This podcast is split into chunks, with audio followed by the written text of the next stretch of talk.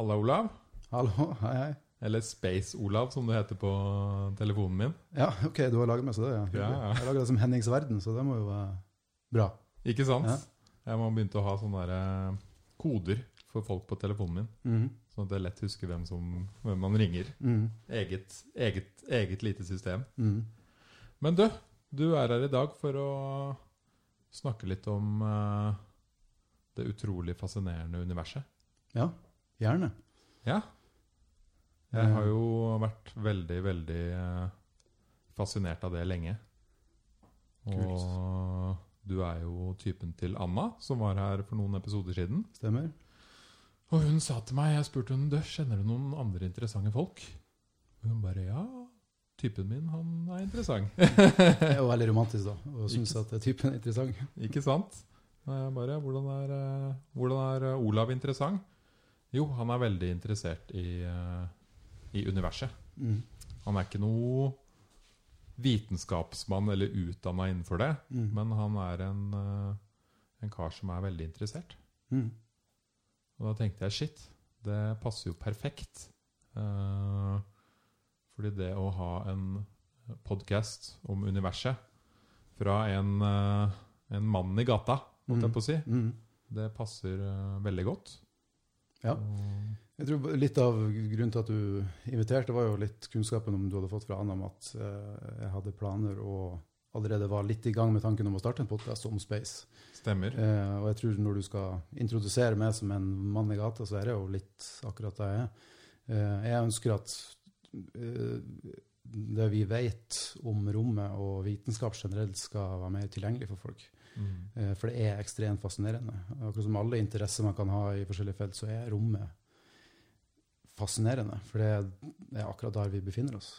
Eh, så at eh, hvis jeg har mulighet til å kunne lage en sånn podkast og invitere gjester og forklare konsepter som, som, er, som er interessant, så er det en god nok grunn. Og om det blir 10, 100 eller 1000 lyttere, det er egentlig litt samme, fordi jeg har det alltid bra når jeg diskuterer eh, romfart og vitenskap. Mm. Eh, så om noen lytter på og hører på, så er det helt supert. Eh, så jeg takker veldig for at du har invitert meg, invitert meg hit. Og, Ja, det er kjempekult. Uh, hva var det som fikk deg til å begynne å bli fascinert av uh, universet i begynnelsen?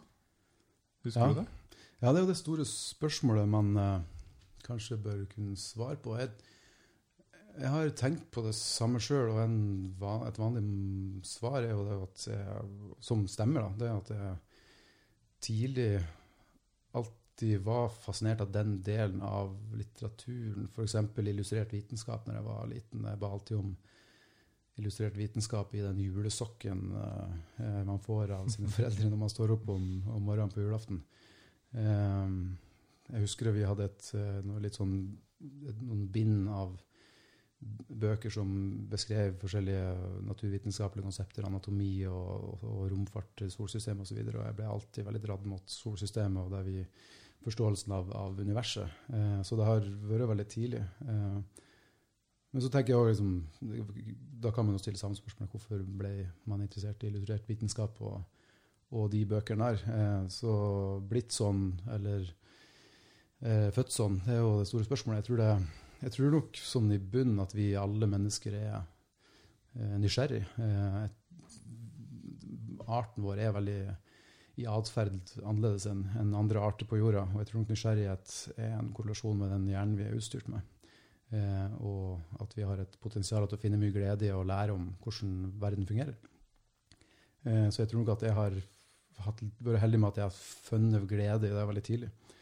Eh, når jeg var, så det har alltid fulgt meg. Eh, men i voksen alder, kanskje når jeg begynte å bli 3-4-25, så, så fant jeg ut at det her er noe som gir meg såpass mye glede at jeg har lyst til å gå litt ordentlig inn i det. Og da hadde jeg lyst til å lære meg de forskjellige konseptene som på en måte er opplest vanskelige temaer som er ikke typisk når man tror man kan lære seg. F.eks. partikkelfysikk, eh, kvantemekanikk, relativitetsteori osv. Det høres ut som veldig veldig avanserte ting. Det høres veldig utilgjengelig ut. Ikke er det sant? er, og det det syns jeg er litt dum, eller synes jeg er veldig dumt, fordi de, det her er ikke veldig utilgjengelige konsepter. Eh, du kan egentlig se at alle eh, all tematikk og all lærdom der ute er vanskelige konsepter når man ikke kan det. Eh, og man lar de som kan det, holde på med det. Eh, jeg har lært veldig mye av å kjøpe et gammelt hus fra 50-tallet om hvordan man skal bygge ekstra isolasjon. Jeg kunne det ikke før, men nå har jeg prøvd, og så har jeg feila noen ganger. Nå funker det. Eh, og sånn er det med alle felt. Jeg tror det, jeg vil jo nesten påstå at nå er jeg litt sånn biased, da, men jeg vil nesten påstå at eh, sosialvitenskap og psykologi er mye vanskeligere fordi at det er litt mer eh, Det er vanskeligere, flere variabler, det er mer kaosteori og osv. Men eh, når det kommer til eh, romfart spesielt, og, og, og bane rundt himmelleggere og den biten der, så er det veldig matematisk, som gjør at det er veldig deduktivt. Um, vi kan spå en solformørkelse i tusenvis av år, titusenvis, hundretusen år fram i tid. Um, som det gir veldig mye makt, og det gir veldig mye et grunnlag for å kunne forstå verden. Uh, så det er som alle andre interessefelt, men i tillegg så er det på en måte det feltet som prøver å forklare hvor vi kommer fra, hvem vi er, og hva vi er lagd av. Mm. Ja, for det er jo, som du sier, eh, noen virkelig store spørsmål der ute. Som man har Mm. lurt på helt siden vi sikkert har blitt til mennesker. Ja.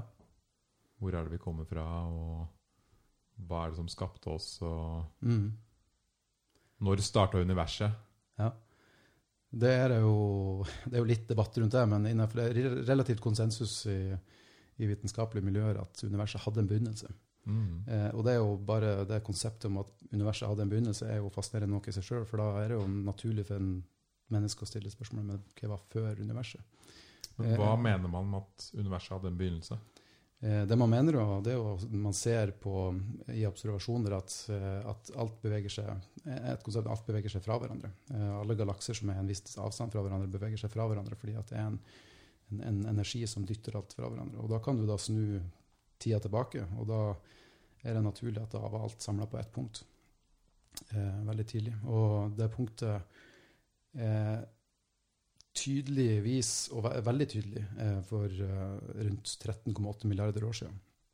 Vi ser til og med eh, etterdønningene av the big bang eh, i form av det første lyset som ble sendt ut. Eh, og det skjedde ikke under the big bang, det skjedde 380 000 år etter big bang. Mm. For det var det første gang universet ble gjennomsiktig for synlig lys, og der eh, elementærpartiklene klarte å samle seg til atomer og faktisk kunne sende ut lys. Eh, og det lyset ser vi fremdeles på himmelen som eh, radiobølger. Eh, nå er det, her, det eksempelet her er veldig typisk, men nå begynner det å bli litt vanskelig å se for seg. Men den, hvis du stilte TV-en mellom to kanaler og ser støyen der, så er det sto, mye av det er bakgrunnsstrålinga fra det første lyset i universet. Det er en, en jevn støy fra alle kanter her i himmelen. Si det en gang til. Den, eh, den statiske støyen som, eh, som du ser mellom TV-kanalene når du ikke har justert Ja. eh, rett på rett eller rett eh, antenne. Så det samme som på radioen mellom i FM-stasjoner mellom stasjoner, så er det bare støy. mm. Mye av den støyen er radiobølger som påvirker elektriske utstyret til å lage en jevn støy, som er lyset fra starten av universet. Wow. Eh, og grunnen til at de er radiobølger, som da er lange bølger som har reist veldig lenge, det er fordi de er så langt unna at det var mest sannsynlig nærmere gammastråler har gått gjennom synlig lys, men det er så langt unna og går så fort ifra oss at de har endt opp noe som kalles rødforskyvning, til å være bare radiobølger. Eh, men det er en slags historie om det lyset som var det første som, som kunne reise i universet. Mm. Det er utrolig eh, fascinerende å tenke på. Hva mener man uh, skjedde før The Big Bang, da? Hva er det de tenker om det? Eh, det vet vi ikke. Eh, og det er òg noe som er veldig fascinerende, at vi kan tillate oss å si vi vet ikke, eh, men vi har lyst til å finne ut av det. Mm. Eh, og det kan tenkes at spørsmålet om hva som skjedde før The Big Bang, er et, et spørsmål du egentlig ikke kan stille. Eh, en, en, måte, en slags eh, metafor å forklare det, den, den svaret på, er at hvis du går mot nord, så går du jo mot nord helt fram til du når Nordpolen. Og så står jeg og du der på Nordpolen, og så spør du eller jeg spør deg, hva som er nord for det her. da? Det, du, du kan stille spørsmålet, setninga kan du stille, men det gir, gir ikke noe mening, for det er jo ikke noe nord. Du begynner å gå sør igjen. Mm. Og sånn kan universet òg være. at I og med at alt var samla i ett punkt, og gravitasjon og alt var en slags singularitet. så betyr det at før, Det er ikke noe før, for da går du bare loop tilbake igjen. Så starten er starten. da. Mm. Um, så, men Det betyr ikke at vi ikke skal stille spørsmål, men det betyr at spørsmålet kanskje må fraseres på en litt annen måte. Ja, språket vårt gjør, gjør det oss mulig å stille både gode og rare og dårlige spørsmål. Og Ja. spørsmål som egentlig ikke er logiske. Ja, og, og hjernen vår kanskje òg Ja. ønsker å stille spørsmål, for vi er født og vi dør, og vi har en timeline der ting starter og slutter. Det er ikke unaturlig for oss å ha lyst til å spørre hva, som hva var før starten. Mm. For vi kan svare på hva som skjedde før vi ble født. Eh, men kanskje ikke på The Big Bang. Nei. Ja, det er veldig Altså Min utfordring i dag, og når jeg også er uh, med noen vennegjenger, er jo at de ser på universet som en ganske nølete ting. Vi snakka litt om det her uh, før vi starta podkasten. Mm. Og det vi begge kom fram til, er jo at nølete ting er jo egentlig kule ting. Absolutt. Det er fascinerende ting. Universet og interesseuniverset er supernerdete. Det er Mm. fantastisk nerdete. Og det er, det er veldig positivt. Alt, sånn som Min forståelse og erfaring i livet er at alt som er nerdete, er interessant. Møter en person som en, har, et, har et spesifikt interesseområde han har gått dypt inn i, så jeg, har, jeg til, har jeg til gode å ikke oppleve en interessant samtale med den personen uansett eh, hva det er snakk om. Eh, Jeg snakka nylig med en, en, eh, en venninne som, som er veldig opptatt av vin og har det som det, og bare entusiasmen i seg sjøl er fascinerende. Men kunnskapen òg, for det, det ligger mye kunnskap i alt. Eh, og- Men la oss si hun er vinnerd, da, og det er kult. Mm. Og så er det noen som er space nerd, og det syns ikke alle er så kult. Nei, Skjønner men, eh, forskjellen? Da kan man liksom være litt sånn frekk, frekk, frekk, frekk tilbake og si at OK, spacing er ikke så kult, men vi har ikke noe valg. Det er i space vi lever, så 1-0 til space. Mm. Poenget mitt er at vi, eh, vi må gjøre det litt kult. Ja. Vi må gjøre det kult og forståelig. Jeg tror også grunnen til at mange tar litt avstand fra det, eller syns det er litt sånn nesten litt eh, skummelt eller litt sånn for mye å tenke på, er fordi det er Du ser opp, og så skjønner du det ikke, og så er det liksom Hva er det jeg skal tenke om det? Mm. Ja, det, det virker utilgjengelig på en eller annen måte. Vi var innom det i stad. Eh, men det er ikke utilgjengelig. Det, det, det, er, ikke, er ikke vanskelig. Eh, og det er utallige eksempler man kan, man kan komme med. Eh, men et, et eksempel som kanskje er naturlig å ta opp, er jo hva betyr det å, å ha et teleskop og se bakover Nei, å se, ja, nå avslørte litt nå, å, å se utover i, i rommet. Når vi ser på, på månen, f.eks., bare med det blotte øyet, så ser vi ganske klart at det er en, et, et objekt der. Og det objektet er ikke så veldig langt unna. Det er ca. 400 000 km i snitt unna oss. Ehm, og det betyr at eh, lyset som har eh, kommer fra månen, har brukt ja, 400 000 Lysets hastighet er 300 000 km i sekundet. Så litt over et sekund tar det for det lyset å nå, nå øynene våre. Så vi Mm. ser egentlig på månens historie. Selv om det er usignifikant, det er bare et 1,2 sekunder. Vi kommuniserte jo fint med Apollo-astronautene når de var der oppe. Ehm, men vi kan gå litt videre da, og ta sola, eh, som er 150 millioner kilometer unna. Da begynner det å bli litt mer sånn at du, kan, du får litt trøbbel med når du skal kommunisere, for det tar åtte minutter, da, cirka åtte minutter før lyset å nå oss. Så hvis sola bare slukner nå, så finner ikke vi ut om det før eh, åtte minutter etterpå. Eh, denne her, den eh, logiske reisen her fortsetter. Eh, Ja. Så det betyr at hvis du ser på den nærmeste stjerna vår, Proxima Centauri-systemet, som er 4,2 lysår unna, altså 4,2 år tar det for lyset som reiser av 300 000 km i sekundet. Så det er langt unna. Så det lyset vi ser derfra, er 4,2 år gammelt. Så det betyr at hvis de ser på oss, så ser de på, på det når det du gjorde for fire år siden. Um, så det her kan fortsette. Vårt, vår galakse har en diameter på rundt 100 000 lysår. Eh, så ser vi fra ed, kant til kant, da, så tar det 100 000 år for det lyset å nå. Så hvis, Um, hvis aliens uh, Hvis det er noen aliens da på det solsystemet Ja. som ser på oss, så ser de på meg for fire år siden. yes. For da sendte jeg lys herfra og dit. Ja.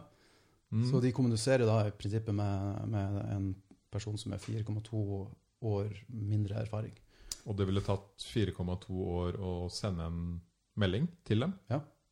Mm. Så, så det vil, da, da, vil det bli, da er det ikke trivielt å kommunisere. Da begynner det å bli Eh, avansert. Ja, det blir, det blir avansert. Da må du faktisk begynne da må du tenke på hva du sender. fordi at hvis du har glemt å sende, så tar det 4,2 lysår nei, i år å få sendt det igjen. Eh, og et, et, et, kanskje, kanskje hakket mer sånn der det begynner å bli sånn tydelig, da, det er at hvis du Vi har jo eh, vi lever jo ikke Det er ikke bare én galakse i universet. Melkeveien er vår galakse. Eh, men vi har en nabogalakse som er i, kosmisk forstand relativt nært. Den er 2,5 millioner lysår unna. Så det betyr at, Og den galaksen er ganske mye større, fire-fem ganger større enn også er svær. Men hvis det bor noen sivilisasjoner der og ser med teleskop tilbake på oss, da, så, så ser de oss når vi fremdeles var Eh, nærmere eh, vår felles eh, mor som med sjimpanser. Altså, vi var treklatrere, vi, vi, hadde ikke, mest sannsynlig ikke språk. Vi var helt andre vesener enn vi er i dag. Men tror du at det er mulig for dem å utvikle en teknologi som ikke baserer seg på å bruke lys? Ja, vi, alt vi snakker om nå, er lys, ikke sant? Mm. Mm. Det, er, det, er, lys, ja. Og, og, det er det her som er spennende med, med relativitetsteorien og konseptet som Einstein egentlig oppdaga. Det er jo det at Vi snakker om lyshastigheten, men uh, min forståelse rundt det her er jo at det er jo egentlig hendelseshastigheten vi snakker om. Uh, er Et konsept som man kan tenke seg at man finner en kommunikasjonsform som er raskere enn lyset. Uh, men det er litt vanskelig når du skjønner at det er egentlig ikke lyshastigheten, det er selve rommets hendelseshastighet. Så betyr det at hvis du da hadde kunnet reist raskere enn lyset, eller kunne sendt noe raskere, så ville du da gått bakover i, bakover i tid. Ja. Eh, så, så det, det, er veldig vanskelig å oppnå kommunikasjon. Eller det, det, per i dag, med det vi vet, så går det ikke an å eh, sende informasjon raskere enn lyshastighet. Mm. Det finnes noen rare unntak som, som blir debattert, men, men ikke, ikke, informasjon eh, over avstand raskere enn lyshastighet. Men det er jo spennende å tenke på det også om vi eh, Hvordan kan vi da finne andre sivilisasjoner? Du tror det fins, eller ikke? Jeg tror det fins. Ja. Altså, selvfølgelig, Sivilisasjoner er jo i endepunktet av det vi tenker oss, for vi er en sivilisasjon, og vi ønsker å se andre sivilisasjoner. Eh, men vi kan jo ta start med at vi, om vi kommer til å oppleve veldig simpelt liv, da, eller kunne, kunne oppdage simpelt liv, eh, f.eks. encellorganismer. Eh, og jeg er helt sikker på at det, må finnes liv på andre, andre planeter bare pga. de prinsipielle lov, universelle lovene som er i hele universet. Eh, vi er f.eks. lagd av de samme grunnstoffene som universet er lagd av, og i samme rekkefølge. Hydrogen, helium, oksygen og karbon osv.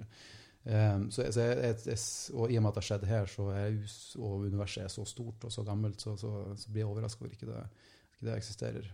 Neste spørsmål blir vil vi oppdage flercella organismer. Og det er et, like, et, kanskje et enda større spørsmål om, om vi oppdager sivilisasjon eller flerceller. fordi det tok på jorda så tok det vel 2,5 milliarder år, 3 milliarder år før énceller ble flerceller.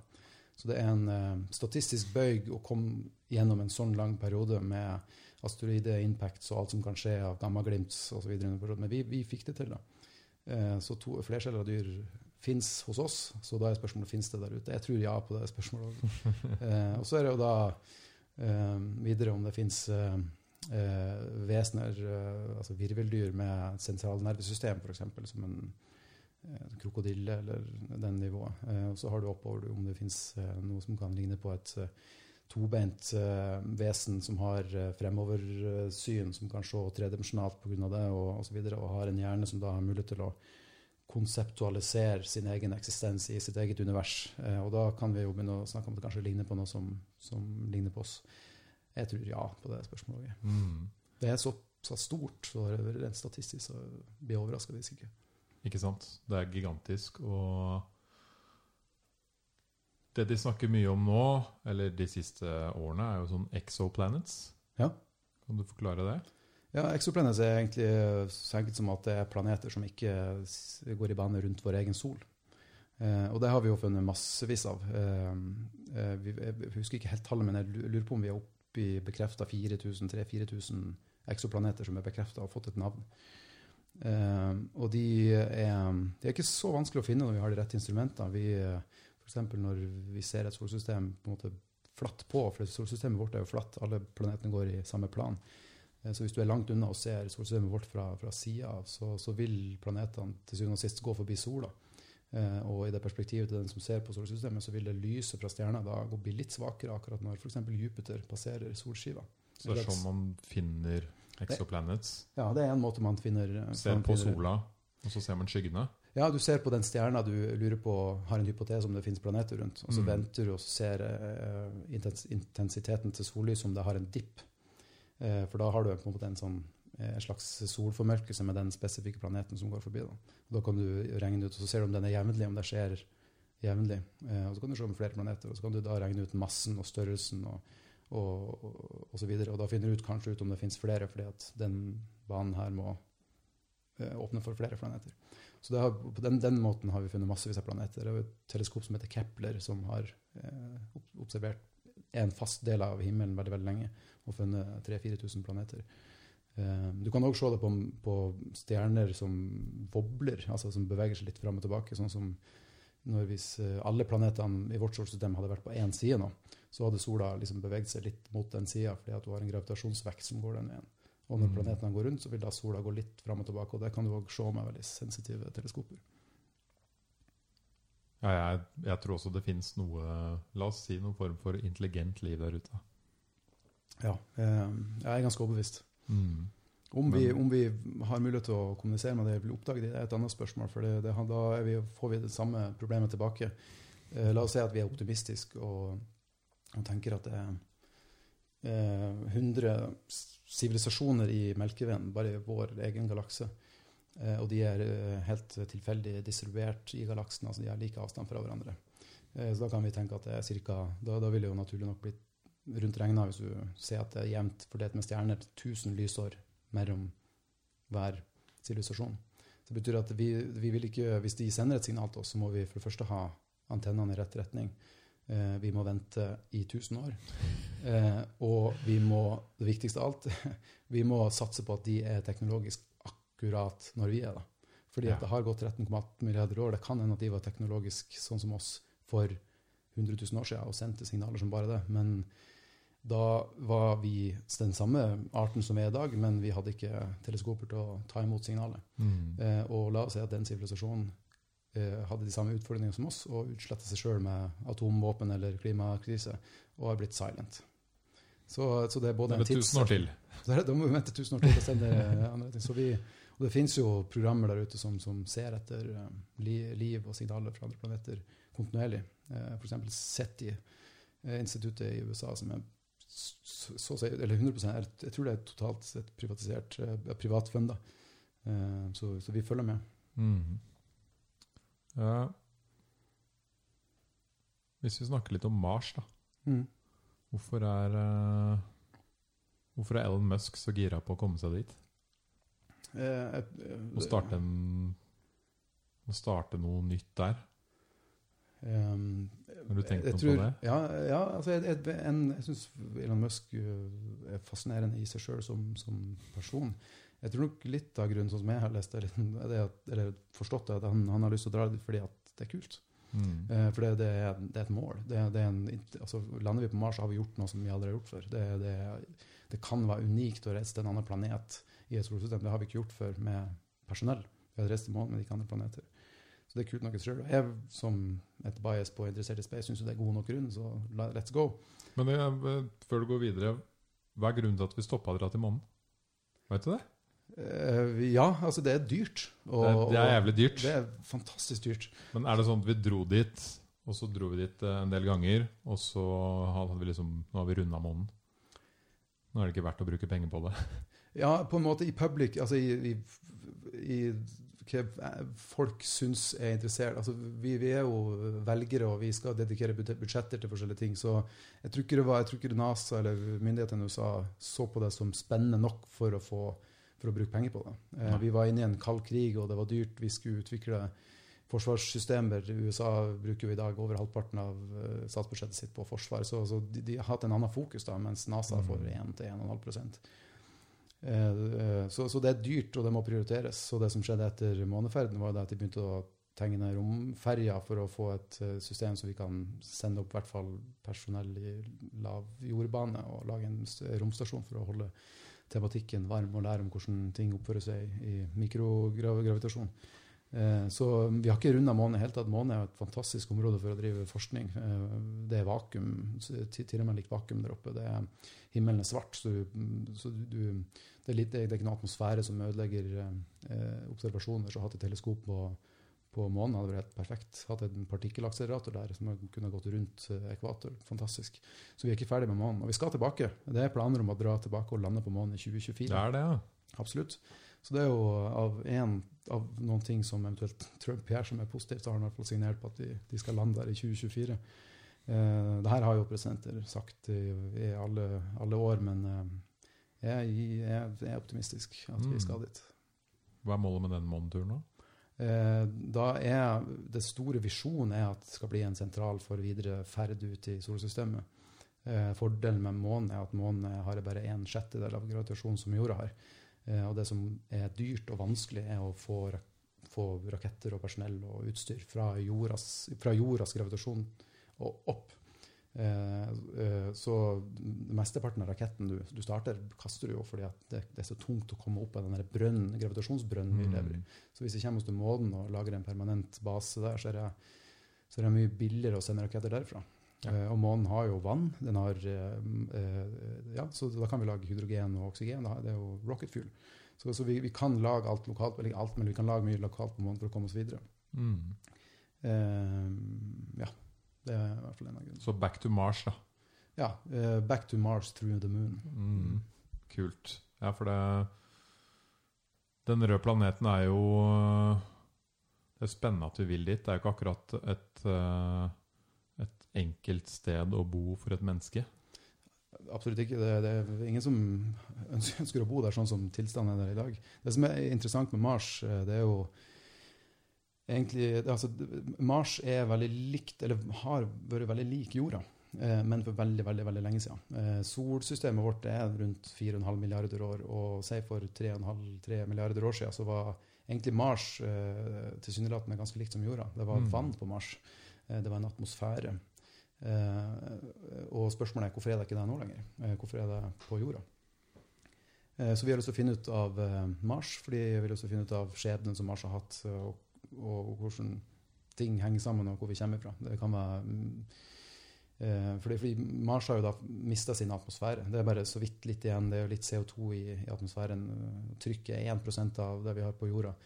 Og så blir det ganske varmt og kaldt her.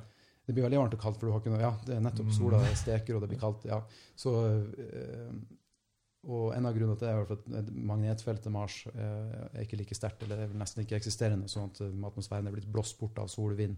Mens jorda har jo da magnetfelt som avverger at de ladepartiklene skal blåse bort fra atmosfæren.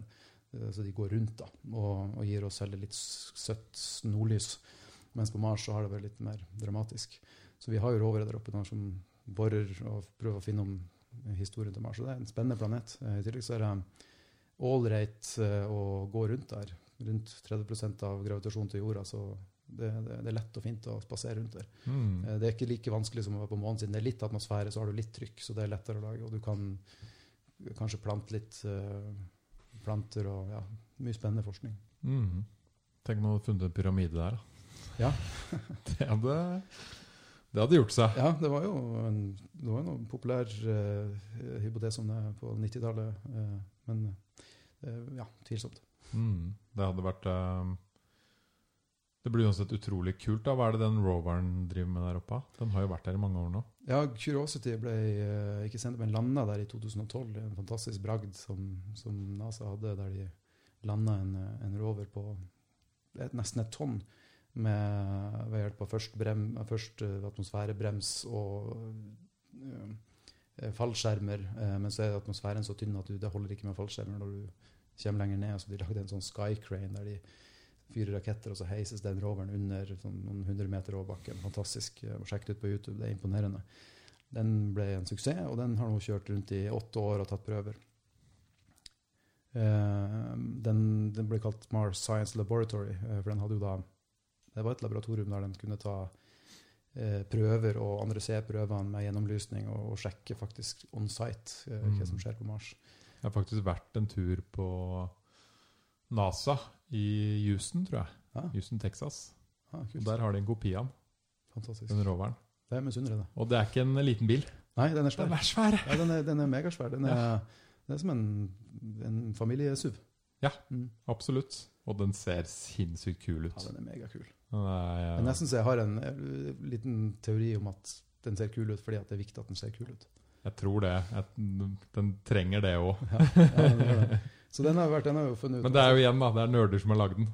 Ja, får lage en kjip bil ja. som skal til Mars, når vi kan lage en jævlig kul en. Selvfølgelig, ikke sant. Mm. Så eh, nei, den er kul, og den er jo nå Ja, jeg reiser rundt, og det er åtte år, virker lenge, men det er jo vanskelig å styre fra, styre fra jorda, for det tar jo da Ja, det varierer litt med hvor langt unna Mars er, men så er det da 25 minutter for joystick-signal å, å sendes til, til Mars. Så det her må Altså når den kjører rundt, så, så er det planlagte ruter, og den kjører litt og litt hver dag, så det, den kjører veldig sakte. Mm. Eh, men nå er vi jo på vei mot Mars igjen, uh, Ja. med en veldig tilsvarende rover.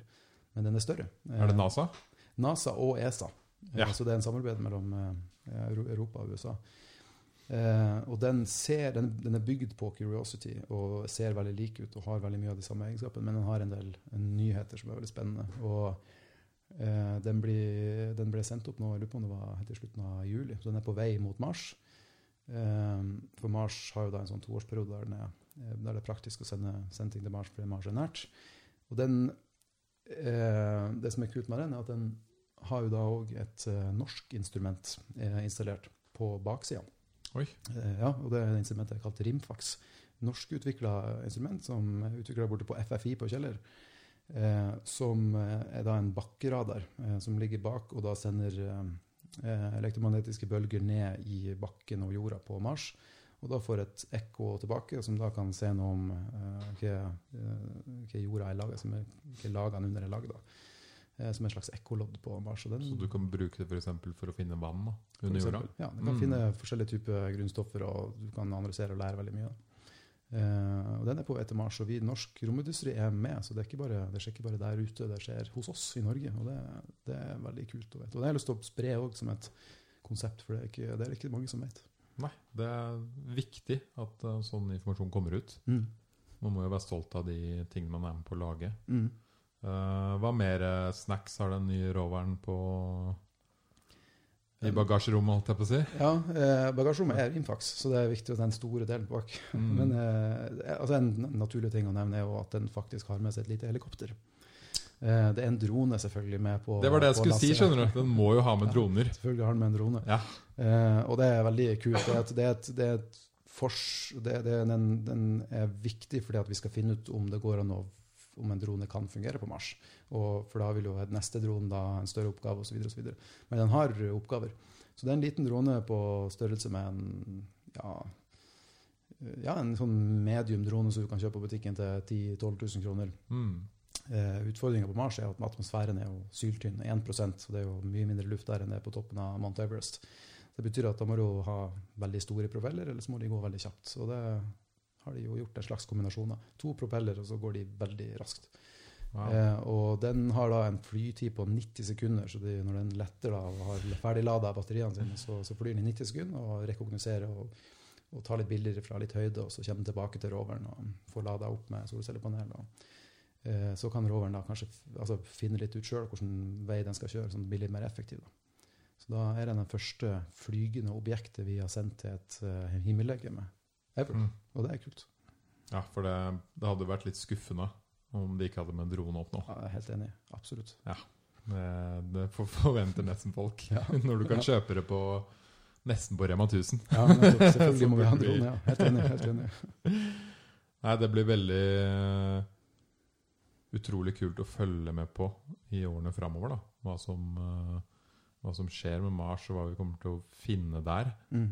Og om vi faktisk kommer til å sende folk dit. Ja, ja om vi bør sende folk dit. Eller om vi Eh, bør. mm. Vi, vi er jo en rase som ønsker å gjøre ting sjøl, og vi, det er jo naturlig at vi tenker at sender vi folk dit, så er det på en måte et paradigmisk eh, skifte. Hvor lang tid tar det å reise dit? Eh, Du, med dagens teknologi så kommer du til Mars på to-tre måneder hvis banene ligger rett til rette og vi har en god boosterrakett. Så er det to-tre måneder. Så det er, en, det er ikke en, det er en problematisk reise. Mm. Eh, For det første så vet du jo ikke om du kommer tilbake, for det er jo ting som kan skje. Men du må sitte i isolasjon altså du sitter i isolasjon i to-tre-fire måneder på vei til Mars. Så da skal du eh, kjenne folk du Da skal det være god gjeng du sender, da. eh, Ja, for det er det jeg har tenkt på. Det altså, problemet, største problemet å sende mennesker dit, Det er på en måte psykologien og det å være innestengt og ikke minst være ute, midt ute i liksom universet. Ja. Langt unna jorda di. Mm, ja, jeg er helt enig. Nå er det jo mye som er på hold pga. korona osv., Ja. men kanskje, korona kan gjøre at det skjer litt raskere. For nå har vi alle testa hvordan det er å leve i karantene og i isolasjon. Mm. Eh, Det er mulig, men eh, selvfølgelig, en Mars-reise er, er trøblete å være i en blikkboks i tre-fire måneder. Men det de også Elon Musk har klart, eller SpaceX, da, det er jo å lande disse rakettene igjen. Ja, nettopp. Og da blir det billigere. Mm. Eh, og eh, målet hans er at de skal til Mars, for da kan du både lande de boostrakettene som får det opp fra jorda, men du kan òg dra fra Mars igjen med, med samme rakettene, med, med Starship, eh, og dra tilbake igjen. Eh, så han gjør alt rett, og at han kan gjøre det med et privat selskap, er jo helt enormt. Eh, det er jo noe som i utgangspunktet tidligere var forbeholdt myndigheter og, og de som trykker penger. Men nå har han gjort det til en industri, altså en kommersiell suksess. Han tjener jo mye mer penger på SpaceX enn på Tesla, f.eks. Han gjør det. Ja, for han, det jo, NASA bestiller jo, legger ordre til SpaceX, eller til Mm. flere. også. F.eks. Boeing og SpaceX som skulle konkurrere om å sende en, den første private romskipet opp til ISS. Da. Og SpaceX vant den reisen der. Så det er en lur måte å bruke private aktører på, og sette en konkurranse istedenfor å ha litt mer dyrere, tregere byråkratisk prosess der du skal ha med alle stater, og du, alle skal ha interesser. Um, så, så funker det veldig bra. Mm. Ja, hvis man vil se noe kult på YouTube, så er det jo å google de SpaceX-rakettene som lander igjen. Ja, ja, det, Det det er rått. Det er vakkert. sinnssykt. Og jeg hørte også at eh, at de to første gangene funka det ikke. Var det det? Eh, ja, de, de, de har jo hatt failures, failure, selvfølgelig. Jeg husker ikke det spesifikt, men de- ja, jeg tror nok de to første altså første rakettene han sendte opp, feila jo òg, altså uten Mm. landing. Bare det å få den opp i bane, for det er, det er vanskelig å få ting opp i bane. Men de, de, feila selvfølgelig, men, uh, men det betyr ikke at det ikke bra. Altså feil er jo det man lærer av. Uh, og eh, det var mye feiling opp igjennom i, i starten av romkappløpet òg. Eh, så, så de feiler, men feilraten som SpaceX har, er eksepsjonelt lav. Eh, hvis du justerer det for hvor kort tid de har holdt på, og Mm. hvem de konkurrerer mot. Ja, det er uh, utrolig kult. Hva med når vi snakker om Mars? Hvor lett er det å se den på stjernehimmelen nå? Ja, Det er lurt altså, artig at du spør, fordi eh, vi sendte jo opp eh, Rimfax nå i, i Ja. juli. Um, eh, og det betyr at Mars må jo være i en posisjon som er praktisk å komme seg til. Så ja, Mars er veldig synlig på nattehimmelen nå. Så eh, som poenget er, og det vi diskuterte på bakrommet i stad, vi må se mer oppover. Og nå er det en god grunn til å se oppover, for Mars er veldig synlig. Og hvis du ser opp, så er det fort gjort å se at alle stjerner og eh, himmellegemer er, er hvite, men du, når du ser det du tror er Venus, og så ser du den er rød, så er det Mars. Eh, så det Mars er veldig synlig om dagen. Så Mm. se etter Mars. Hva annet kan man se med liksom, det blotte øyet, hvis man ser opp i stjernehimmelen? Eh, du kan se en del stjerner, selvfølgelig, og det vet jo de fleste. Det er jo tusenvis av stjerner man kan se med det blotte øyet. Du, av det som er umiddelbar nærhet, så er det jo planetene våre. Mm. Eh, du kan se Merkur, som er den innerste planeten. Du kan se Venus, veldig sterkt. Er eh, alle kjenner jo den som den sterke, hvite stjerna som ikke blafrer, for det er veldig eh, typisk tegn på at det er en planet og ikke en stjerne. Eh, du kan se jorda, for den ser vi jo når vi ser nedover. Du kan se Mars. Eh, du kan se Jupiter. Mm. Eh, og du kan se Saturn. Og du kan se Uranus. Nå håper jeg at jeg har rett, men jeg tror ikke du kan se flere enn de planetene med blotte øyne. Så det som er litt morsomt, da, som er og igjen deduktiv logisk, at ser du to planeter på, på, på himmelen, så vet du hvor neste planet er. Fordi solsystemet er jo i et plan, en pannekakeform. Mm. Så det betyr at planetene må jo da naturlig nok være i linje. Så ser du to planeter, så kan du dra den linja med øynene dine, og så finner du neste planet lenger opp. Så ser du Mars og Jupiter, så kan du se, finner du Saturn, hvis den ikke er under horisonten. Så det er òg en liten artig øvelse man kan ta. Mm.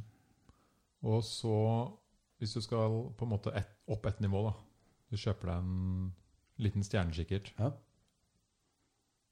si eh, Jeg aner ikke hvor mye de koster. Jeg veit de koster opp en million, ikke sant? De Ja, kan jo de koste koster- sikkert et par tusen òg. Jeg veit ikke. Jo, de koster mindre enn du tror. Altså en, et, et teleskop er jo egentlig bare en, en, en lysinnsamler som er litt mer følsom enn en øynene våre. Så. Eh, og I tillegg så en, har den en del forstørrelse. Men det er lysinnslippet som er det viktige. Så jeg har et teleskop hjemme som ikke er noe eksepsjonelt. Jeg betalte vel 1700 kroner for det. Jeg kjøpte det i, i London for 15 eller 10-15 år siden. Eh, og bare det teleskopet der, eh, det er et speil og et okular. Og der kan jeg se eh, månedene til Jupiter når de går rundt Jupiter. Du kan så vidt skimte eh, Nordpolen til Mars når det er nært. Jeg tror du kan se ganske kraftig i dag. Eh, og du kan se stjerne- nei, ringene til, til Saturn uten problem. Så, så det, det er tilgjengelig der ute. Det er bare å komme på besøk, så kan man få det med seg. Mm. Ja, det Det er veldig bra. Det betyr at folk kan få seg en stjernekikkert til å titte litt òg. Ja. En annen ting man kan gjøre hvis man skal se litt på stjernehimmelen, er jo å sjekke noen av de appene som har kommet. Ja. Så hvor du holder kameraet opp mot himmelen, og så ser du litt rundt hva som Mm. Hva er den stjerna? Å ja, ja, det er Mars. Mm. Supersmart. Det, det er det tilgjengelig. da. Teknologien gjør det tilgjengelig. Den bruker kamera og gyrosensor og GPS til å finne ut hvor du er, så vet den cirka hvor de forskjellige himmellegemene. Så den, den bruker jeg ofte. Hvis jeg tror jeg har rett, så er jeg litt usikker, så dobbeltsjekker jeg med, med appen. Mm. Så på Android så heter den SkyMap, den jeg bruker mest. da. Og på Apple så er det kanskje noe annet. Men bruk de appene, det er superspennende. Det er det.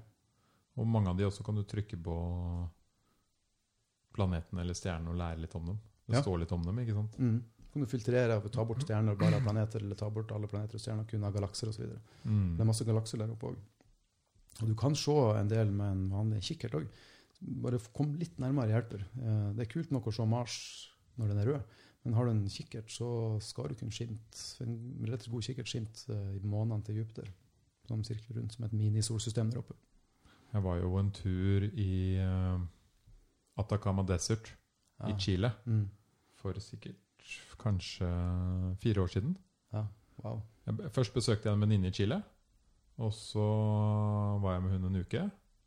Og så sa jeg du, nå har jeg fire dager igjen. Hva skal jeg gjøre? Mm. Og hun bare You have to go to Atacama Desert. Mm.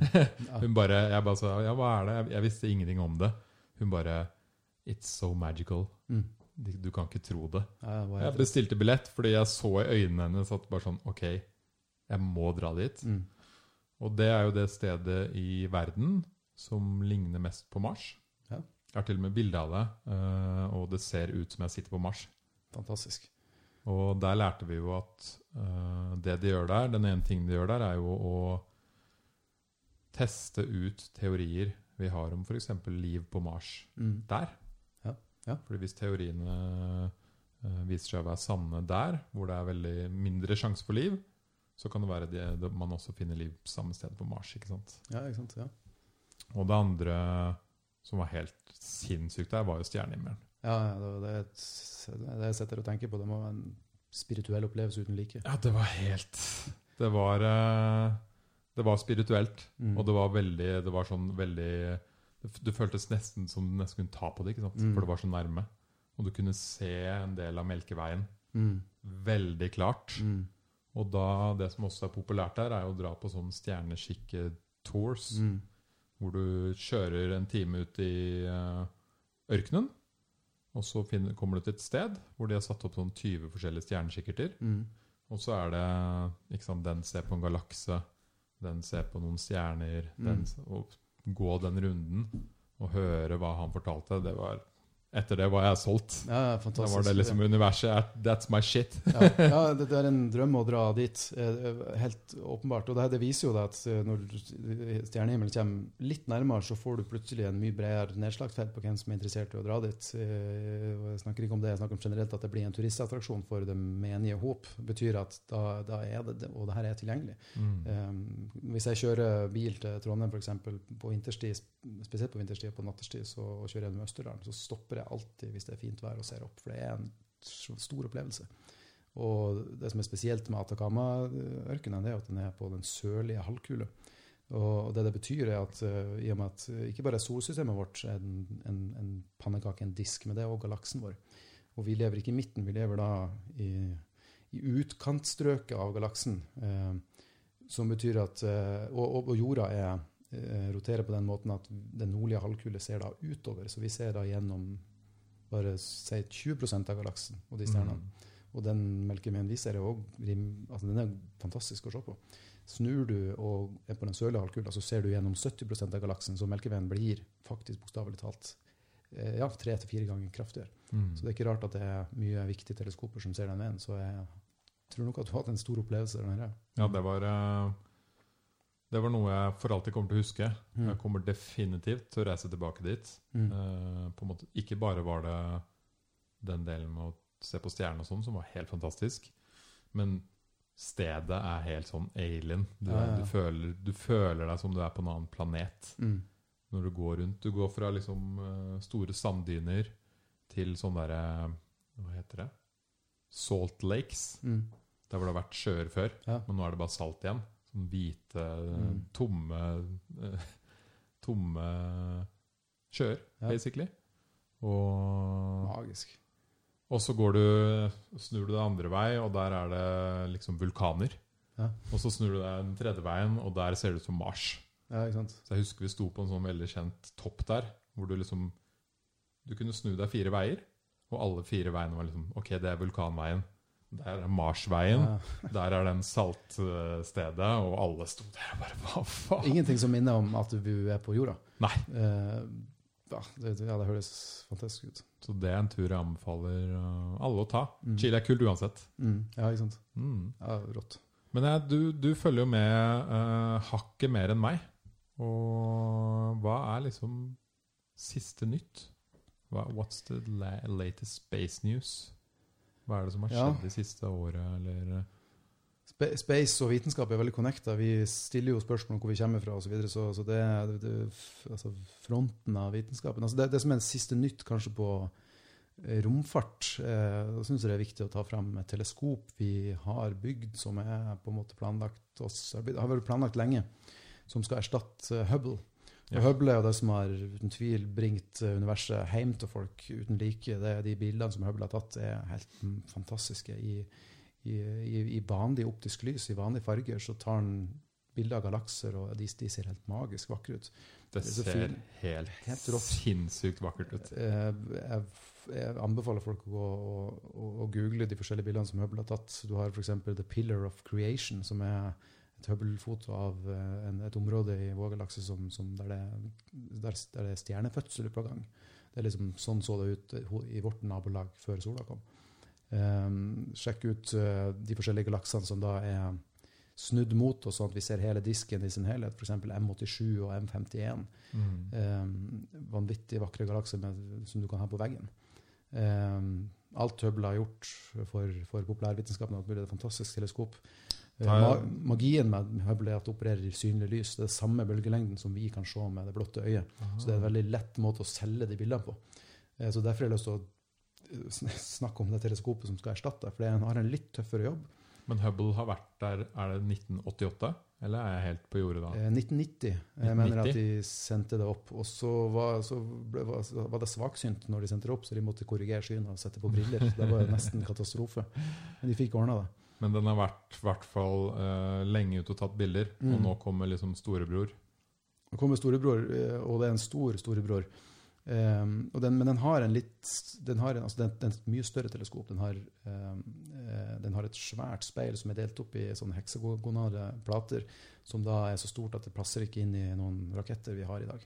Er det James Webb? James Webb-teleskopet. yes. Ja, det, det er helt rett.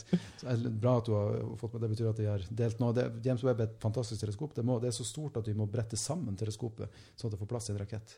Mm. Og det skal, ikke, det skal ikke gå i bane rundt jorda, det skal gå i bane i et punkt. Jeg mener L2, altså Lagrange point 2, det er et, et punkt som er en sånn gravitasjonsbalansepunkt eh, som er da rundt en million kilometer unna jorda, sånn at den alltid er i skygge for sola.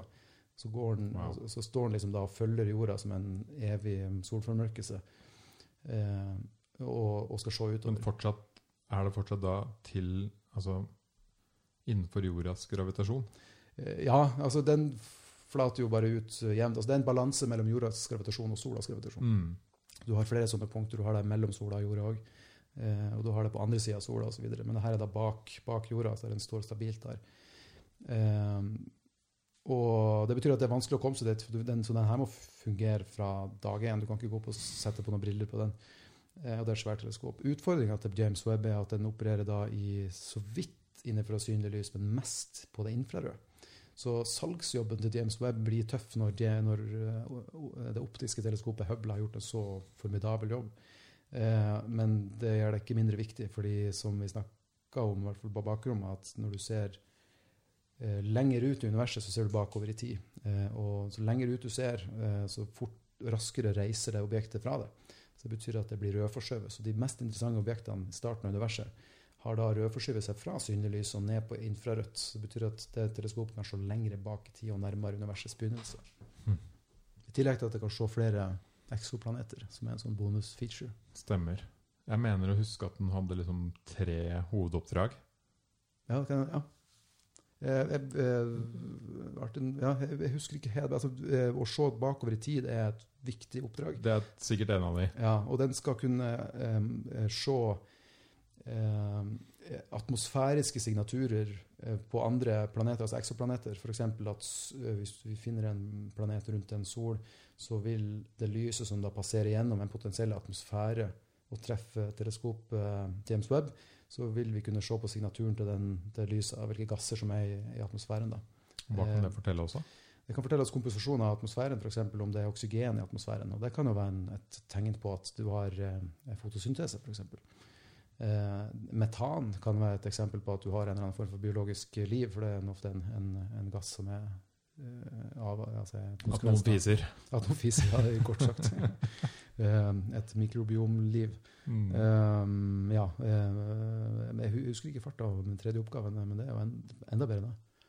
Husker du? Ja, det var, det var, jeg, var liksom starten av universet. Det var den Mm. ene. Og prøve å finne liv er Mm. sikkert den andre. Den tredje husker ikke jeg heller. Altså. Kanskje det er bare designprosjektet ser dritkul ut, sjølve teleskopet. Kanskje det er den tredje oppgaven. Ja, Det er også en ting folk må google. da. Ja, James Webb Telescope. det ut. Det er altså noen rå YouTube-videoer om, Ja, om det. ja det er det. det. Og de har utsatt launchen, og nå skal den siste nytt er vel oktober 2021, så stay tuned. Det kan ha vært noe med sorte hull. Det kan godt hende, faktisk. ja. Men du, forrige gang jeg var, eh, hadde en liten eh, gjeng på besøk her, så hadde vi en koselig kveld og satt og hørte musikk og prata sånn. Plutselig begynte vi å snakke om sorte hull. Mm. Eh, det jeg lærte dagen etterpå, var jo at det var jo bare et fire av oss som forsto hva faen er sorte hull. Ja, ja, Alle andre lå jo bare rundt omkring og var helt forvirra, ikke sant? ja, ja. Og de som forstår det, forstår det heller ikke. Nei. Hva er din forståelse av det? Eh, Min forståelse er igjen ganske logisk. Altså det, er egentlig, det, er en konsekvens av forståelsen vår av, eh, av eh, spacetime, altså tidrommet. Eh, Vi sitter jo på en måte i ikke et sort hull, men altså jorda har, eh, drar jo på oss med gravitasjon. Eh, Og det er jo egentlig ikke en kraft som drar, det er rett og slett tidrommet som bøyer seg inn, sånn at vi da faller ned mot et punkt. Og så er det jorda som tar imot. Eh, Den gravitasjonen har ikke noen stor effekt på sånne relativistiske ting som tid, tidsforsyning osv. Men eh, den har nok til at vi f.eks. må justere, eh, justere tida på de satellittene som går rundt og styrer GPS, eh, GPS-ene våre. fordi satellittene som, som GPS-satellittene er jo da i et område med litt mindre gravitasjon. Da har det en relativt stor fart til oss. Det er ikke mye, men de må justere, for de bruker tid og det ekkoet som gis til telefonene våre og GPS-utstyret vårt for å finne ut hvor vi er hen. Og hvis den tida hadde ikke vært justert for relativistiske egenskaper, så hadde vi ikke funnet fram. Da hadde ikke det fungert. Eh, drar du den lengre da, i større objekt, sola har enda større sånne effekter. Men i et sort hull så er effekten så stor at, eh, at eh, lys slipper ikke unna. engang. hvis, hvis vi tar en lommelykt og lyser oppover fra jorda, så er det ikke noe problem. Den lyset drar seg opp fordi eh, eh, escape velocity, altså den farten du må ha for å slippe unna jordas gravitasjon, er, er, er mye lavere enn hastigheten til lyset. Men en, i et sort hull, på, på hendelseshorisonten på et sort hull, så er den escape velocityen tilsvarende som lysets hastighet. Så lyset kommer seg ikke opp fra sorte hullet. Og det Mm. betyr at hendelser, som vi om, hendelseshorisonten er stopper. da. Så det, så det betyr at tida krummer seg inn på seg sjøl. Så det, det er helt det er fucked up, men det er bare en konsekvens av sånn som Mm. Så det er sort fungerer. fordi lys ikke kommer seg ut av det, Ja. og du kan ikke se lys på en måte gjennom det heller. Eh, nei, du kan se lys som er Bøyd bøy. Du rundt kan se, ja, det, det, det er så mye krumning i det at eh, du, du kan se for deg at lyset da, hvis du er foran et sort hull da, og, og det på en eller annen måte går bra, og så lyser du da på en måte rett over det med en lommelykt, så vil du kunne se din egen lommelykt på undersida. Mm. Fordi det er liksom en ring, da, så det går tilbake. Det bøyer lyset såpass at det kan gå i ba lyset kan gå i bane rundt, så rundt det sorte hullet. Og mer i sånn eh, typisk Men det betyr jo at sorte hull på en måte er en, en, en klump eller en, en masse med noe, da. Fordi Ja. siden du kan se det som er bak, så betyr det at det stopper et sted og Ja. begynner et sted. Ja, det er en, det er en kule. Det er en kule, Mm. ikke sant? Og det har en uh, omkrets, og det har en spinn. That's it. Mm. Uh, uh, så, og en, en sånn weird eh, eh, et sort hull er f.eks. Hvis, hvis, du, hvis vi er et romskip og går i bane rundt sort hull, og så tar du eh, et for laget og sier det da drar jeg ned og sjekker ut hva som skjer nærmere horisonten. Det som jeg vil oppleve fra mitt perspektiv, da, er at du drar ned dit, og nærmere og nærmere du kjenner det sorte hullet. Når jeg ser på det, så, så vil tida di gå saktere og saktere, så betyr det at du beveger deg saktere og saktere. Til slutt, når du er på de event horizon, altså hendelseshorisonten, overflata av det sorte hullet, så vil du stoppe opp. Tida stopper opp. Relativt sett til meg. Så du står jo da som en fotografi på utsida og bare ser på meg. Eh, og det er litt weird. Men det som gjør det ekstra weird, er at hvis vi snur den perspektivet, at du ser på meg når jeg er lenger opp, Ja, så vil det motsatte skje. Det betyr at jeg beveger meg raskere og raskere, og vil jo da tida mi vil gå fortere og fortere. fortere. Så du vil jo da, når du nærmer deg, så vil jo universet jeg vil jo bli gammel og dø, og så vil jo romskipet mitt dissolve, og planetene rundt vil jo eksplodere. Vil man se det fort? Du vil se fort, kjempefort. Og nærmere og nærmere fortere går det. Og det er det motsatte av det jeg opplever. Så når du da er limt fast i det sorte nei, altså event, uh, hendelseshorisonten, så vil jo du se universet gå uendelig fort. Så du vil jo se avslutninga av universet. Ting bare er ferdig. Og det her skjer samtidig som jeg ser at du stopper opp. Mm. Så, så det, er en, det er en veldig weird effekt av, eh, av sort hull. Så du kan, i mitt perspektiv så kan du egentlig aldri falle inn i et sort hull, for du stopper jo på Event Horizon, som er en todimensjonal film. Mm. Men fra ditt perspektiv så forsvinner du inn som bare det. Akkurat det her kan man jo se i Interstellar. Ja, Akkurat den filmen. sa. Jeg tror ikke har, altså Det er en modig film som er til gode å se. En film som tar opp så mange vanskelige konsepter, men som er så vitenskapelig korrekt. De tok jo faktisk med uh, uh, forskere og sånn når de, eh, Ja. når de skulle lage en hva skal man si, animasjon av Det sorte hull. Ja, Den er basert på matematiske formler. ja stemmer det. Det er superspennende historie. Det er Kip Thorne som er den eh, vitenskapsrådgiveren til, til filmen. Ja. Eh, Jeg var så heldig å være på et foredrag om For den filmen skulle ha en visning på, på det fakultetet på, på, på Blindern. Og da, eh, da var han foredragsholder mens vi så klipp av, av det interstellet, for han har lyst til å forklare eh, matematikken bak det sorte hullet. Eh, han, så han var på Blindern og eh, Oi. jeg jeg rakk opp handa og stilte han et spørsmål. Jeg måtte bare stille han et spørsmål det beste jeg kom på i farta. Jeg husker ikke hva spørsmålet var. Men eh, så det var hyggelig, og noen måneder etterpå så vant Hva jo var det han forklarte da? Han forklarte prinsippene bak et, bak et sort hull og, og effektene det kan ha. og hvordan de, sånn som du sier, at de animerte det sorte hullet først for å da finne matematisk hvordan kan det her visualiseres da for et publikum. Og det fikk de jo til helt, helt fantastisk. Han vant jo da Nobelprisen i, Nobelprisen i fysikk bare noen måneder etterpå, så han med sitt arbeid for, for å finne ut av sorte hull. Wow. Så det de, ja. Det er jo en uh, Interstellar er jo en uh, En måte å gjøre universet kult på. Ja. Det vil jeg si. Absolutt. Og de valgte rett regissør, ja. Ja. Mm. Ja, Den er helt amazing. Jeg må faktisk se den på nytt, tror jeg. Ja, det må du. Ja, Det er lenge siden jeg har sett den nå. Det er sånn Det er min eh, Det er det man kaller space porn. Ja, det er uten tvil. Du får komme på besøk, og så ser vi på Saturn og Jupiter, og så ser vi Interstellar. Ja, det høres bra ut. Jeg har for så vidt også hatt eh, en som heter Geir her på besøk. Ja, jeg tror jeg hørte den episoden. Og han har jo masse stjernekikkerter, så det Ja. er kanskje dit vi burde dra og titte først. Wow, en nerdekveld eh, hos Geir. Høres bra ut. Det er helt konge. Nei, men eh, Hva er det som fascinerer deg mest om dagen, da? Om, eh, hva er det du nøler på om dagen? Um, egentlig, som, altså, Det som fascinerer meg, er vel egentlig uh, evnen vi har Muligheten vi har til å kunne finne ut av hvordan ting fungerer. Um, på alle mulige områder.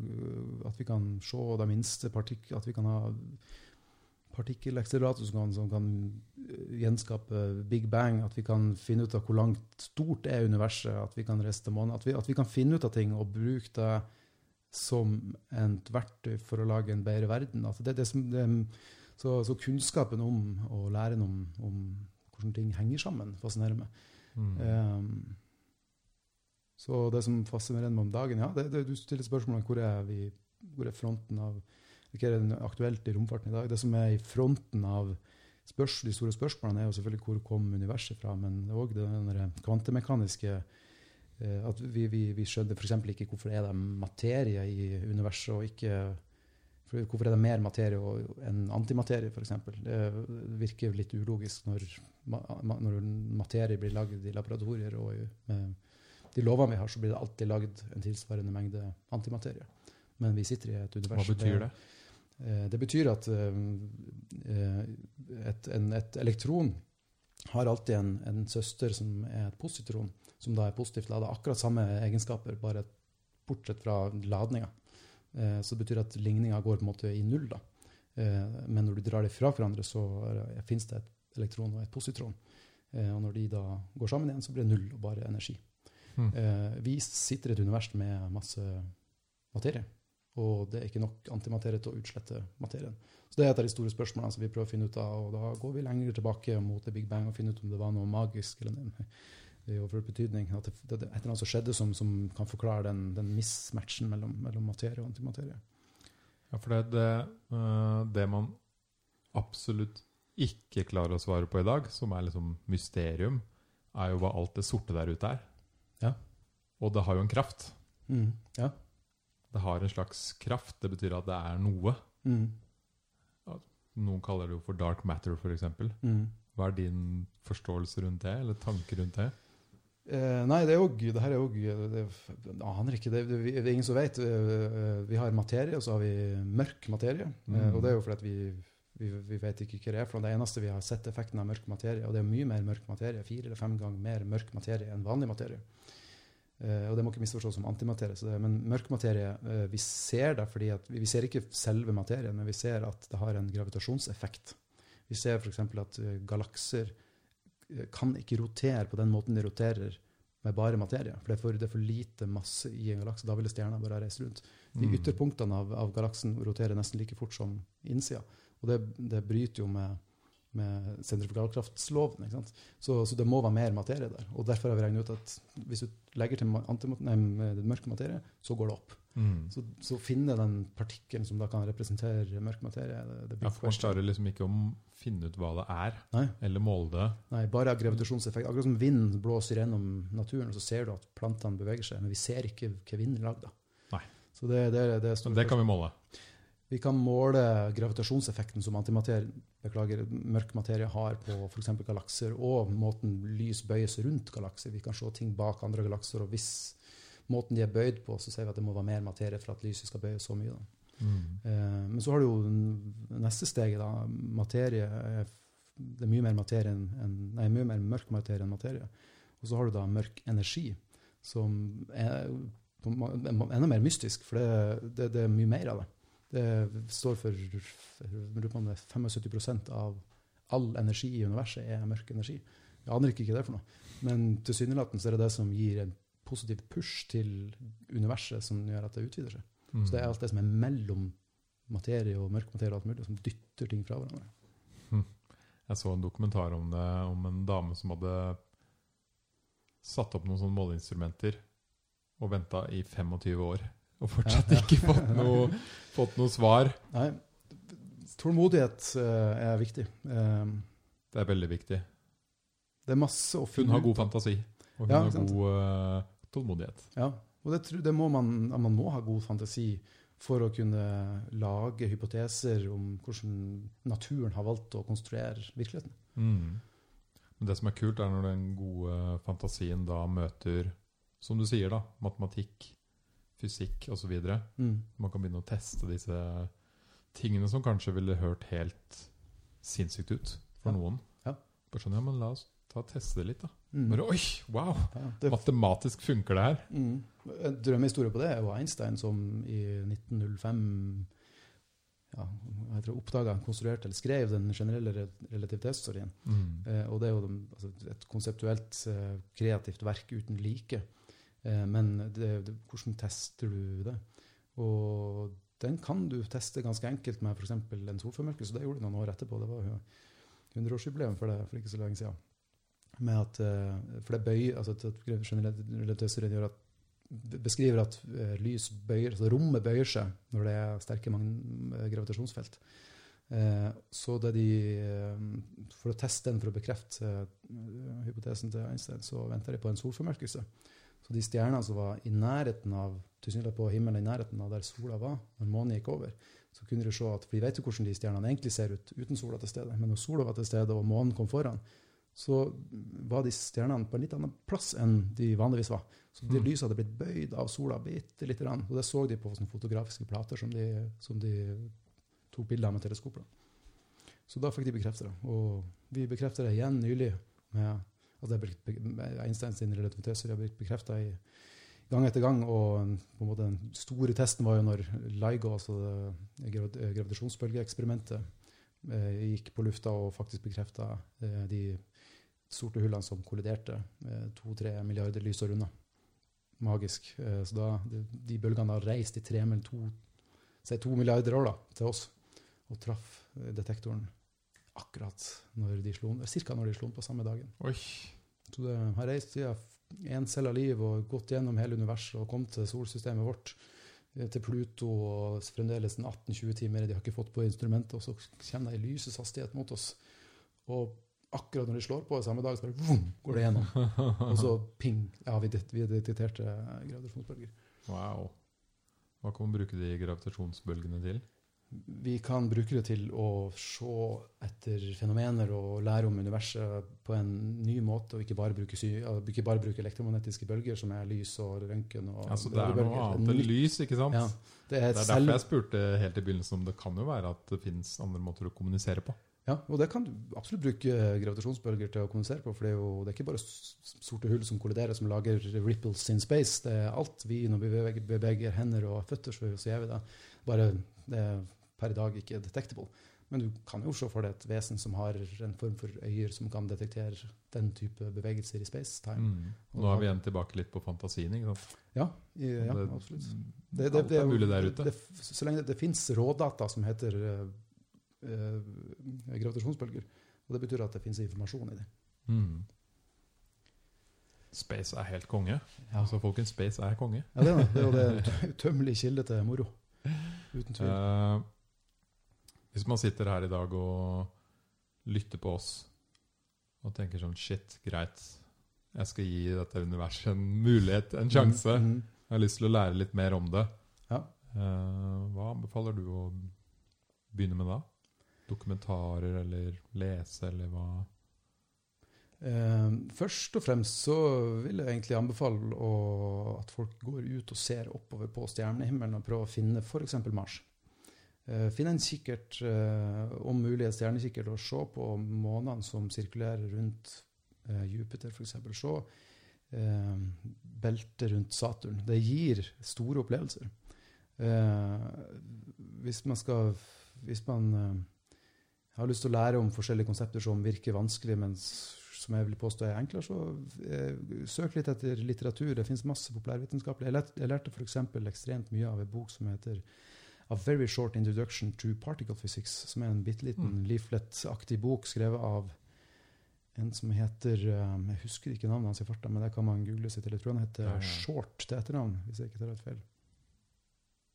Close heter han. Han heter Close til etternavn. Mm. Uh, men A Very Short Introduction to Particle Physics den, den forklarer liksom hva er partikkelfysikk, og, og hvordan er det, hva, hva, at CERN er egentlig bare et stort forstørrelsesglass. Eh, det fins masse gode um, YouTube-videoer eh, man kan følge med på, av, bare generelt hvis man er litt nysgjerrig. Veratasium er en kanal. Eh, eh, Visås eh, er en fin. Eh, ja, Jeg syns de Kosmos-dokumentarene er også ganske ja de, er- de er helt fantastiske. er- Veldig, veldig bra på å introdusere Mm. sånn som vi sier, konsepter som kan virke veldig avansert. Ja, jeg er helt enig. Og, og ta, de, ta med en og kompiser, kjæresten, og sette seg ned og se både den gamle med Carl Sagen Mm. eh, fra slutten av 70-tallet, begynnelsen av 80-tallet, til uh, de to som er lagd nå av Neil deGrasse Tyson. Følg med på de. De, eh, de er fantastisk lagd, og, og man, det er underholdende. og det, det, det ja. Jeg vet også om to andre helt sinnssykt kule dokumentarer som heter uh, Det er av BBC Horizon, som Mm. er sånn dokumentarserie. Og den første heter How Big Is The Universe? Ja, okay, Ja. Og den andre heter How Smallest Universe? ja, det er gode titler. Jeg har ikke sett det, men bra. Så det er en som zoomer ut i universet Mm. og forklarer på en måte alt det vi veit rundt det. Mm. Og episoden etterpå så zoomer de så langt inn man klarer å zoome inn. da. Ja, ikke sant. Og så merker man at zoomer man veldig langt inn, og zoomer veldig langt ut, så ser man nesten det samme. Ja, det er det som er mindfuck. Så sitter man eh, der og ser liksom, Hei, det ligner jo litt på et univers, det der òg. ja, det går i, går i sirkler. Eh, ja, det er masse vi kunne ha snakka om. Eh, eh, så ja. Det er et utømmelig kilde til, til eh, kunnskap, og det er derfor jeg håper og tror at vi får på plass en, en podkast som kan snakke om de her konseptene én etter én. Ja, det tror jeg trengs. Mm, jeg håper det. Ja, jeg tror det. Mm. Mm. Og da er du hjertelig velkommen til å bli med på en episode. Ja, det er gøy. jeg veit ikke hvilken eh, Jeg kan komme med litt eh, bro science. Nei, Du- Ja, men, men du kan komme med spørsmål. Det kan jeg gjøre. Eh, Og du kan komme med interessen. Og, fordi å få i gang praten er det viktigste. Ikke sant. Jeg har jo tatovering av universet på ryggen. Av, av hele universet. Nei, nei. I, i skala én 1 til 1. En liten Ja. Hele kroppen. Ja, altså Altså- universet, eller eh, ikke solsystemet, men universet. Ja, må få se. Nå må legge, legge det på nettsida. Ah, se her. Ah, wow. Her har du da Du ser at jeg er glad i Kult. Jeg fikk assosiasjoner til type outer space and inner space. Altså det her eh, Det er hele poenget. der. Ja? Kult. mm. Dualiteten. Så det. Jeg har alltid vært veldig dypt fascinert av det. Ja, Og fulgt med. kult å høre. Veldig bra. Mm. Det, jeg tror det er mer mange der ute som ikke vet at de er det, men det ligger i oss. Mm. Og vi burde kanskje bli flinkere her i Norge da, på å gjøre space litt kult. Mm. Kanskje ha noen samlinger, eller ja. invitere noen interessante forskere. Og ikke minst lage en sånn podkast du snakker om, Mm. Som kan kanskje ta for seg litt av disse tunge Det som folk ser på som tunge temaer. da. Eh, ja, det, ja, det er det jeg har lyst til å renskrive og friskmelde, at det ikke er tunge begreper. Dette er fascinerende, dype uh, temaer. Men de Mm. er ikke veldig De, de er, de er lettere å forstå enn man tror. Man må gi det tid, og man må ha tro på seg sjøl. Og, og, og det er for så vidt en god idé til en, eh, til en podkast at man kan tenke seg at vi skal prøve å gå gjennom de her konseptene på en litt mer enkel måte, sånn at de blir tilgjengelige, sånn at man kan henge litt med. Mm. Jeg tror det er utrolig viktig. Mm. Liksom ta en time og snakke om sorte hull. da. Ja, nettopp. Har du hørt om uh, Eli5? Eh, Nei? Explain me like I'm five, betyr det. Ah, okay. ja, det er kult. Bra det er et konsept på Reddit hvor du kan liksom skrive Hva er sorte hull? Ja. Og så er det om å gjøre å beskrive det best mulig til en femåring. Ah. Det er veldig bra konsept. Veldig konsept. Vi er alle fem år Mhm. i temaer vi ikke kan noe om. Så, Nettopp. Ja. Og det har jeg begynt å bruke i livet. Mm. Ikke sant? Bare står og hører på den og bare Dude, jeg skjønner ikke hva du sier. Lat som jeg er fem år, Mm. og forklar det en gang til. Veldig bra konsept. Det er super, superlurt. Det ja, ta med meg videre. Bra. Jeg gjorde det her om dagen. Jeg var hos en, eh, en, eh, en kompis som lager tekno. Mm. musikk. Og han hadde jo selvfølgelig da nerderommet sitt fullt av sånne synthesizer og trommemaskiner og masse ledninger og blinkende lamper, og vi gikk inn dit, og jeg bare OK, jeg har gleda meg til å se det rommet her, Mm. men før vi går inn, forklar alt som jeg er fem år. Mm. Og så sto han og tenkte i 40 sekunder, og så bare OK, nå er jeg klar. og da begynte den, ikke sant? Beat er som en klokke, den tikker. Mm. Og alt jeg gjør på den maskinen her, er å sende noen signaler, lydsignaler, inn til den klokka. Mm. Og det, den klokka kan man justere hastighet på. Mm. Og så var det i gang. Og etter eh, et kvarter der inne, så skjønte jeg alt. Ja, nettopp. Ja, det er veldig smart. Det er jo sånn man må tenke. Og om det skal kalles uh, forklare det til en femåring, men det er jo på en måte å forklare det til et menneske. Forklare det som et uh, For det, det, vi er vant med å late som vi skjønner mer enn vi tror, og nikker. Og, og det merker man i starten av en ny jobb, så er det masse forkortelser, og så glemmer man å stille de dumme spørsmålene. Folk har jo ikke peiling. Det tar lang tid når du bare later som at folk skjønner. Så Mm. snakk om det enkelt. Da får du fram fascinasjon, og da får du fram realness. Da får du òg vist at du faktisk forstår det sjøl òg, og da får du mer ut av det. Mm. Ingen spørsmål er egentlig dumme. Nei. Nei. Du må ha spørsmålstegn bak. Hvis ikke så blir det et dumt spørsmål. Ja, da. og det viser jo også at man er, eh, som du sier eh, man, man vil forstå det. Ja. Det er det man viser. Man kan miste motivasjonen hvis man føler at ok, nå stopper det, nå er jeg, jeg er ikke smart nok, eller jeg er liksom ikke tilgjengelig. Men jeg har lyst til å bevise at det er ikke tilfellet. Jeg er en ikke utdanna person innenfor for eh, romforskning og rakettforskning, og jeg har i min mission bestemt seg for at eh, rakettforskning er ikke vanskelig, og det er mye lettere enn man tror. Og når vi får bort den myten, så tror jeg det kan løsne litt, da, at folk tenker at ok, er det her tilgjengelig? Så skal jeg gi et forsøk på det området som jeg faktisk har lurt på i veldig mange år. Jeg har lyst til å teste ut det her konseptet. Og så finner du ut at det er ikke så vanskelig. Det er logikk. Det er, alt er lærdom. Mm, Mm. absolutt. Og Når man forstår ting, så får man motivasjon til å lære mer. Og så er det bare å holde ut og så et frø, og være tålmodig og delta i samtaler sjøl om man ikke er helt med. Og still dumme spørsmål, som du sier. Bare still spørsmål. Mm. Det er viktig. Vi snakka om det før vi begynte òg, at eh, det å ha på en måte noen sånne Det kan være hva som helst. Noen sånne interesser eller ting utenfor jobb Mm. og utenfor det dagligdagse livet som du interesserer deg for. Mm. Det gir veldig mye til livet ditt. da. Kjempeterapeutisk, eh, bare rent pragmatisk i form av at hvis du har en jobb og den er helt ok, plutselig en dag så er du pensjonist, og så har du glemt å ha noe å finne på etterpå. Ja, Eh, veldig det godt poeng. Og, og, og av de som har eksepsjonelt spirituelle opplevelser og trives så godt på jobb at de nesten får orgasme når de er på jobb, er den prosentandelen liten. Da. Så å erkjenne at vi ha, må ha ting å holde på med når vi har fri òg, eh, er bra for sjela mens vi holder på i vårt vanlige liv. Men når vi da mister jobben, eller sånt, så er ikke hele identiteten i oppsluppet i en jobb man kanskje ikke syns var så artig likevel. Så Mm. um, det, det er mye god terapi å, å lære nye ting og, og se utenfor seg sjøl og se utover. Se opp, se på stjernene. Finne ut hvor Mars ligger hen. Hvorfor er vi, og tenke at vi er faktisk på vei til Mars, og så peker du på, på Mars på himmelen. Det er litt kult å tenke på. Det er Vi som dritkult. menneskeaper som på Det tok 200 000 år. Og så, Så er vi i gang. Så er vi på, på månen. Og nå har vi biler der. Da har vi biler på månen, vi har biler på Mars, og vi har Ja, vi, vi fikk jo biler der i, på 70-tallet. Så um, vi er i gang. Det er helt rått. Jeg tror dette var eh, det vi rekker å prate om i dag.